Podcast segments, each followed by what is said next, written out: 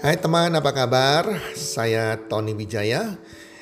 Saya mengucapkan selamat datang dan selamat uh, mendengarkan podcast kami. Melalui podcast ini, kami memiliki misi bagi pendengarnya agar setiap pendengarnya bisa memiliki kehidupan yang sehat, sejahtera, dan berbahagia. Kami ingin menjadi sebuah cahaya lilin di tengah kegelapan yang bisa memberikan harapan, manfaat, dan solusi bagi setiap pendengarnya. Selamat mendengarkan podcast kami dan semoga Anda menjadi pendengar untuk podcast-podcast kami berikutnya.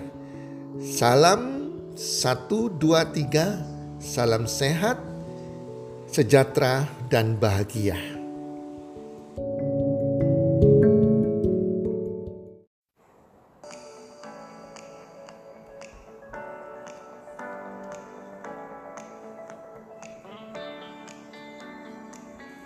10 faktor yang mempengaruhi kesuksesan. Pendengar podcast, sahabat podcast, apa kabar? Semoga Anda semua dalam keadaan sehat walafiat, berbahagia dan bertambah rezekinya. Teman-teman, kita semua pasti pernah mengarungi pendidikan selama puluhan tahun jika kalau kita hitung-hitung kita dari TK sampai dengan kalau kita mengambil S3 itu membutuhkan 22 tahun loh para pendengar. Satu tahun kita di TK, 6 tahun di SD, 6 tahun di SMP dan SMA, 4 tahun mengambil S1 dan 5 tahun S2 dan S3.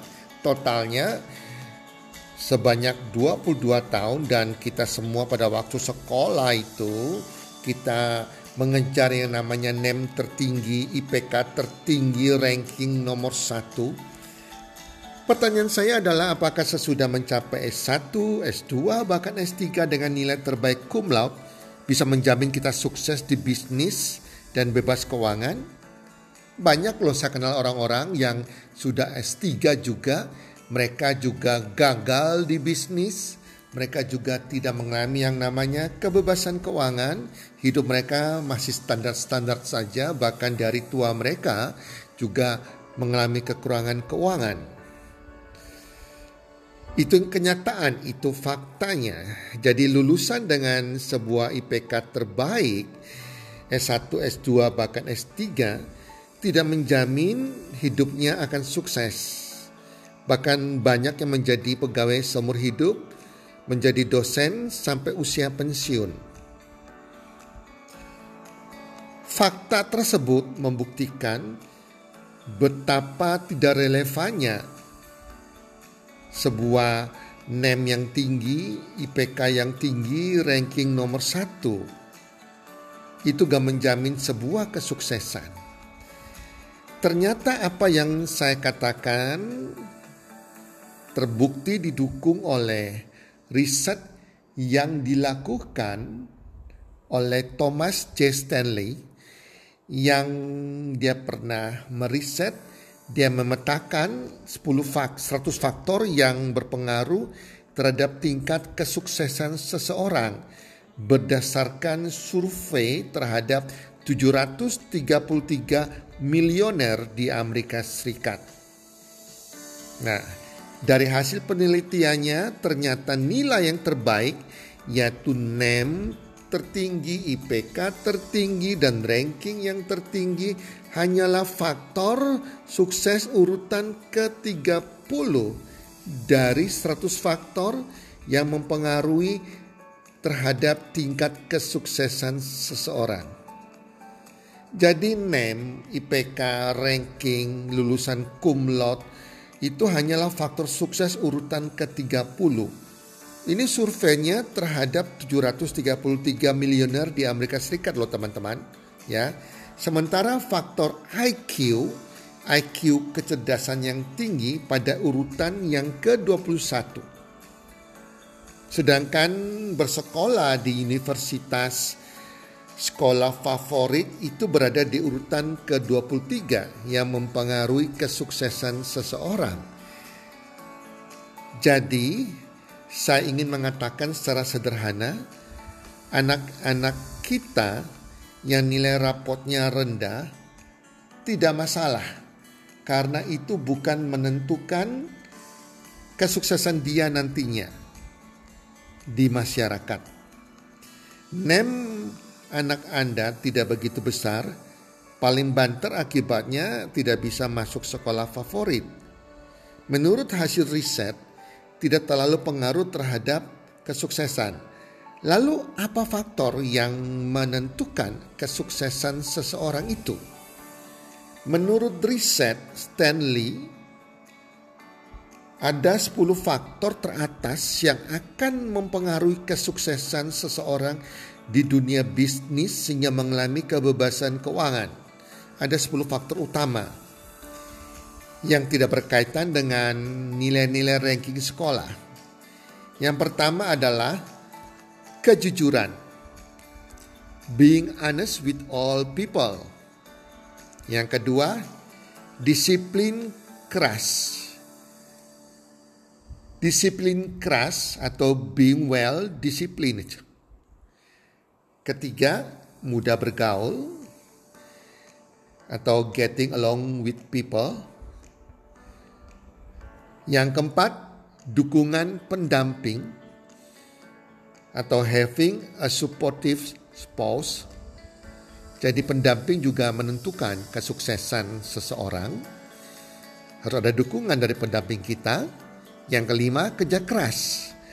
Working harder than most people. Kerja keras. Yang keenam, kecintaan pada yang dikerjakan. Loving your career, loving your business. Ketujuh, kepemimpinan having strong leadership qualities.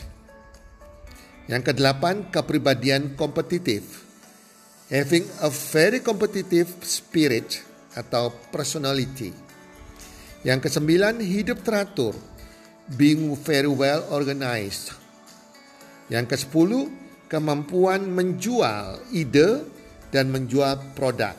Having an ability to sell your ideas and your products.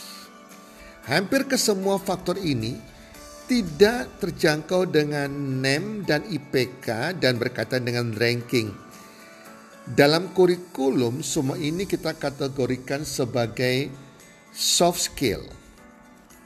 Biasanya peserta dididik memperoleh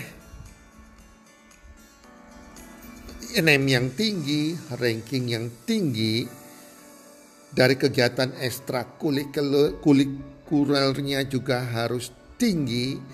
Padahal 10 faktor tersebut adalah soft skill yang menentukan kesuksesan seseorang.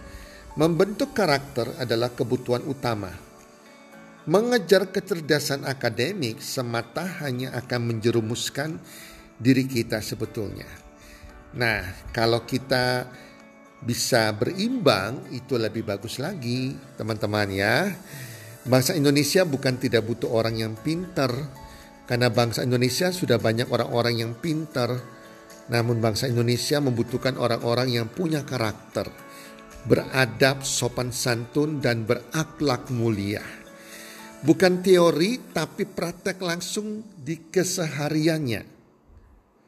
Dengan cerdas menyikapi hidup, cerdas menciptakan peluang, cerdas bagaimana bisa mensejahterakan bangsa ini.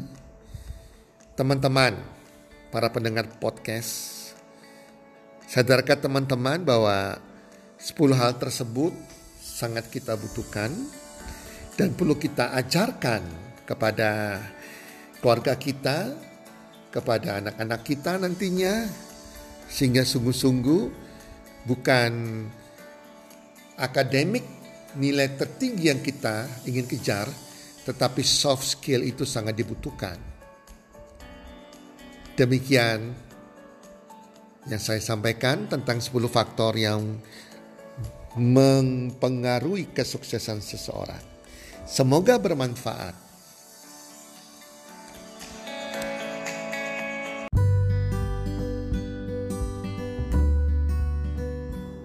Terima kasih sudah mendengarkan podcast kami.